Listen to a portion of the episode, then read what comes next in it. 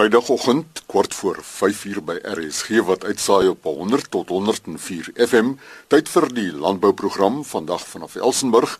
Chris Viljoen wat groet die Nasionale Plaaswerkersforum Veiligheid van Voedselhandels Agri Weskaap 'n oorsig van die 2016 koringseisoen en gedroogde appelpulp as alternatief vir mielies. Eerste aan die beurt is Rita Andreas woordvoerder van die Nasionale Plaaswerkersforum. Ek wil aan die begin van hierdie nuwe jaar sommer vir almal by te sê geseënde 2017 mag hierdie jaar vir elkeen van ons um hoop, vreugde en vrede bring en mag ons regtig suksesvol wees in 2017. Ek weet dit is seisoentyd, dis vaktyd en ek wil sommer vir ons produsente en ons landbouers daar buite sterkte toewens met hierdie pakseisoen wat voorlê. Mag julle geseënde en voorspoedige 'n pakseisoen hê en mag julle sommer hoope vrugte en groente wegkry in hierdie tyd. Baie seën en sterkte aan almal en mag die Here gee dat ons sommer hierdie jaar 2017 landbou sal omkeer soos nog nooit tevore nie. Indien u voel om betrokke te word raak by die forum, kan u ons kontak by 076 790 1066. Rita Andreas, die woordvoerder van die Nasionale Plaaswerkersforum. Dis voedsellandheid nou vanoggend 'n waarskuwing van Justin Lawrence, woordvoerder van Cape Nature. The Western Cape summer means people are still spending a lot of time out on nature reserves and doing some hiking in particular. Cape Nature has got many reserves near Cape Town, including Jonkershoek, Hottentot Holland, Lemitberg, and Kuchelberg, where you'll find great hiking trails. They range from short little rambles to the cliffing at Suicide Gorge, and we've got multi-day hikes that allow you to explore the beauty and biodiversity of the province.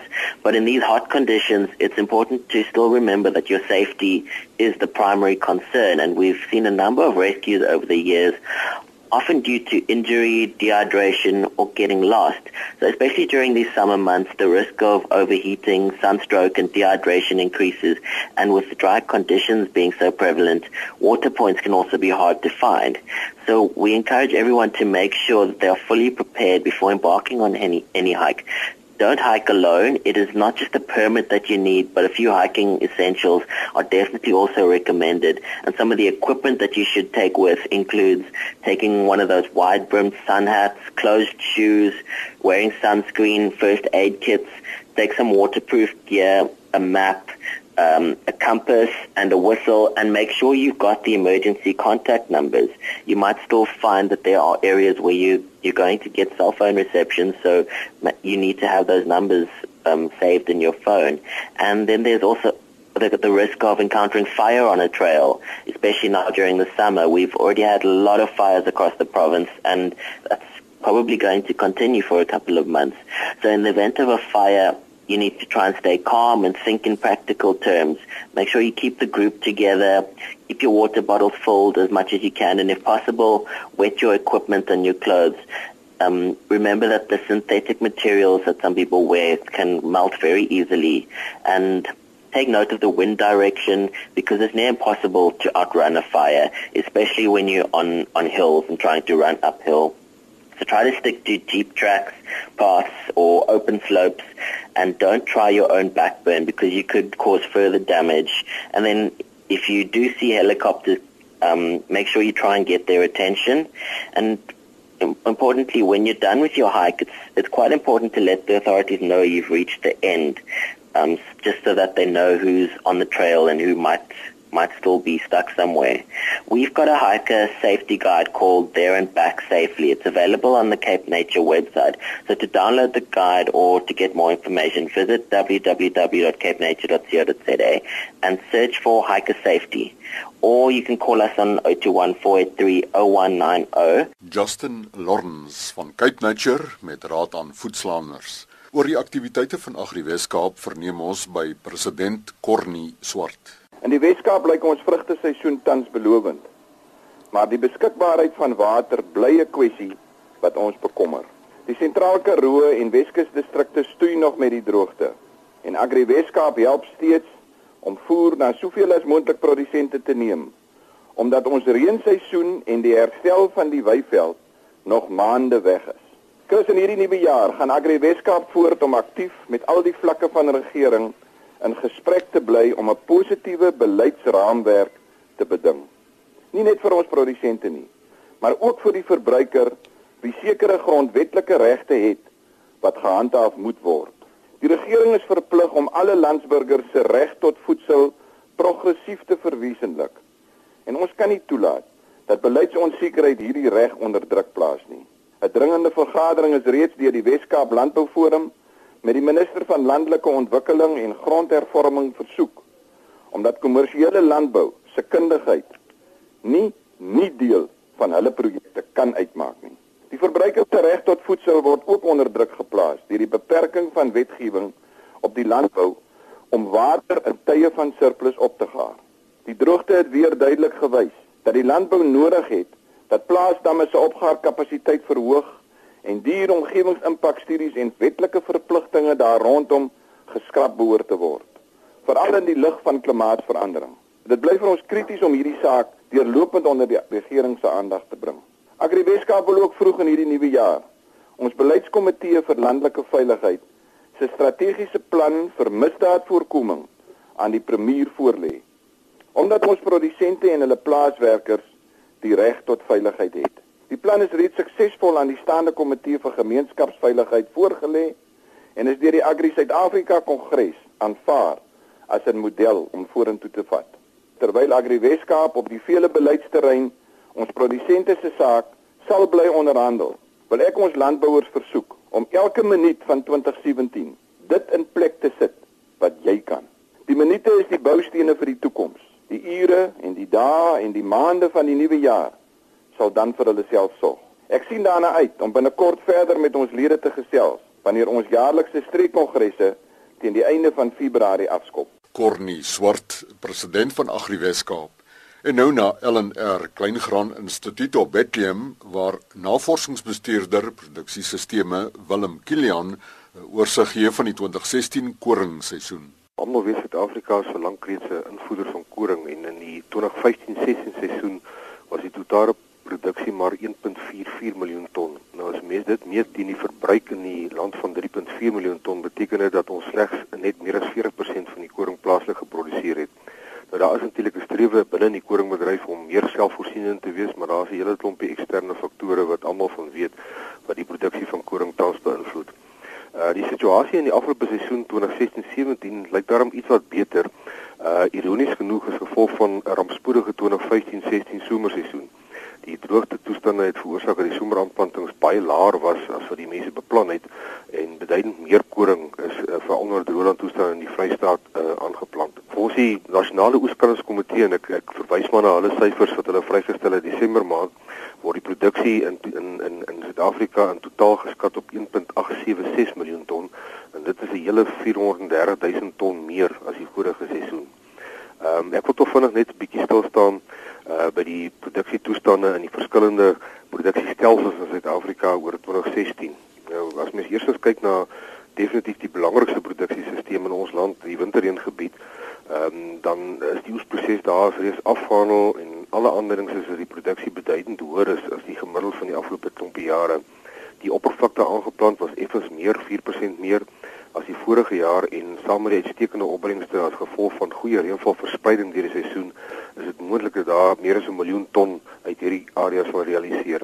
Ehm um, dit sal dan ehm um, 57% van die totale landse produksie um, verteenwoordig en dis hoekom ek sê dit is sekerlik die belangrikste provinsie in terme van koringproduksie in die land op die oomblik. Dan die stiefkind van koringverbouing, die somerreënvalgebied Roland, hoofsaaklik natuurlik in die Vrystaat. Ehm um, soos ek reeds gesê die laer someraanplantings in die vorige seisoen het meegebring in die oppervlakte wat in die Vrystaat onder koring geplant is met 'n volle 38% toegeneem het in 2016. Mense moet natuurlik onthou dit was ongelukkig van 'n laer basis af, maar dit is nog steeds 'n beduidende toename. Die toestande tydens planttyd en direk daarna was baie gunstig geweest. Uh, maar weer eens het lentereën so 'n bietjie laat gekom en daar was 'n droogteperiode rondom September en Oktober. Uh, daarna het goeie neerslae voorgekom vanaf November uh, tot en met oestyd toe. Uh, en die uiteindelike gevolg van die verloop van die seisoen was dit in die Vrystaat 'n uh, gemiddelde jaar beleef het. Daar was 'n bietjie koue skade aan die einde van September en dan ook met die groot weer wat ons gehad het was 'n haalskade in in in sekere gebiede November Desember en dit het tog die totale produksie effens geknou. Uh nogtans is die verwagte oes in die Vrystaat rondom 300 000 ton wat 75% meer is as in die vorige seisoen. Dan die stabiele een onder ons produksiesisteme is die besproeiingsgebiede. Dit is nou versprei in 'n hele klomp provinsies. Ehm um, ons het ongelukkig daar ook die naderdraai van die rampspoedige 2015-16 seisoen gehad as gevolg van uh, die vlakke van opgaar damme wat laag was. Daar was waterbeperkings ingestel in baie van hierdie gebiede. Uh dis veral Limpopo, Mpumalanga en KwaZulu-Natal wat hier beïnvloed is. En die aanplantings in hierdie drie provinsies was ongeveer 'n derde minder as in die vorige seisoen, slegs as gevolg van die feit dat die mense nie water gehad het om die goed te besproei nie. Gelukkig was die aanplantings in die Noord-Kaap vir die grootste besproeiingskoring produserende provinsie um, in Suid-Afrika is was stabiel geweest, baie dieselfde as die vorige jaar met die opbrengste ehm um, uh, redelik normaal. Nou, ek dink onder besproeiing was daar nie baie probleme met produksie nie, die die produksie uh, vlakke, die ehm um, ton per hektaar uh, was maar redelik normaal geweest en uh, die die uiteindelik is daar net effens minder as die totale produksie onder besproeiing geproduseer in die land. Nou op te som, ek dink ons het uh, Suid-Afrika het 'n gemiddelde tot bo gemiddelde koringseisoen beleef in 2016 uh, met 'n baie beduidende toename in in die totale produksie. Ehm um, kom ons hoop maar dat hierdie tendens voortgesit sal word in die 2017 seisoen sodat daar 'n bietjie meer geld binne die grense van Suid-Afrika kan kan bly. Enige navrae het um, rakende koringverbouing, ook sommer oor die algemeen, kan jy vir Willem Kilian kontak. Die uh, e-posadres is kilianw. Ek gaan dit net spel is K I L I A N W by arc.agric.za. Navorsingsbestuurder produksiesisteme by LNR Kleingraan Instituut, Willem Kilian.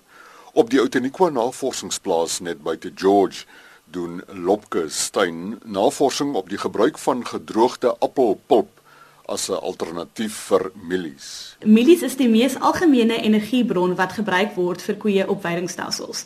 Die hoë stelsel-inhoud van mielies kan die verteerbaarheid van die veiding beperk as die rumen se pH te laag daal. Verder is mielies 'n diervoerbron en dra dit 'n groot finansiële uitgawe by tot 'n voerstelsel. Gedroogde appelpulp is 'n afvalproduk van die appelsapbedryf en bevat die skille, pitte en pulp van die geperste appels. Dit is hoog in vesel en bevat min stysel in vergelyking met mielies en het dus nie so 'n negatiewe impak op die rumen pH nie. Navorsing is uitgevoer op die Outeniqua Navorsingsplaas om te bepaal of gedroogde appelpulp gebruik kan word in 'n kragvoer vir Jersey koeie op Kikuyu weiding. Een van die studies wat bydra tot die navorsing was gedoen in Februarie tot April van 2016. Dit het bestaan uit 'n produksieproef waar 72 hoë produserende Jersey koeie een van 4 dieete ontvang het. Die dieete was as volg: hoë mielies wat 75% mielies en 0% appelpulp bevat het, gemiddelde mielies wat 50% mielies en 25% appelpulp bevat het, lae mielies wat 25% mielies en 50% appelpulp bevat het. En geen mielies wat 0% mielies en 75% appelpulp bevat het. Die studie het gewys dat 4% vetgekorrigeerde melkproduksie negatief geaffekteer was deur appelpulp insluiting, alhoewel vet en proteïensamestelling nie geaffekteer was nie.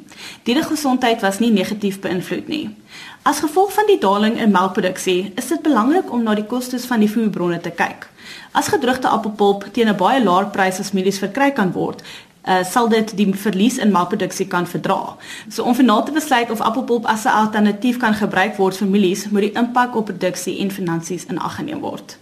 Vir verdere inligting kontak vir Lopke Steyn by 044 803 3742. Lopke Steyn navorser op die Outeniqua Navorsingsplaas van die Departement Landbou Weskaap, dan in RSG Landbou. Môreoggend om kort voor 12 verneem ons van die omvang en die sukses met Koop 4 gebiedsbeplanning in die Groot Karoo. Dit is 'n groep boere wat my genader het oor die ongedierte probleme wat hulle het um, in ons kamp 'n gebied af um, om juist die ongediertes uit die gebied uit te hou. Um, ons noem dit die Cape 4 gebiedsbeplanning. Dit is 'n area van 56000 hektaar en binne in hierdie in hierdie groep is daar 38 boere wat betrokke is. Die lengte van die draad wat ons moet span is 140 km wat ons reg rondom gaan gaan en dan as ons klaar is met dit dan word daar binnekant drade ook blokke van gemaak. Dit stel die boere in staat om beter beheer toe te pas, beter veldbestuur en aangesien hulle ook 'n buffer is teenoor die um, langs die park, is dit 'n ideale projek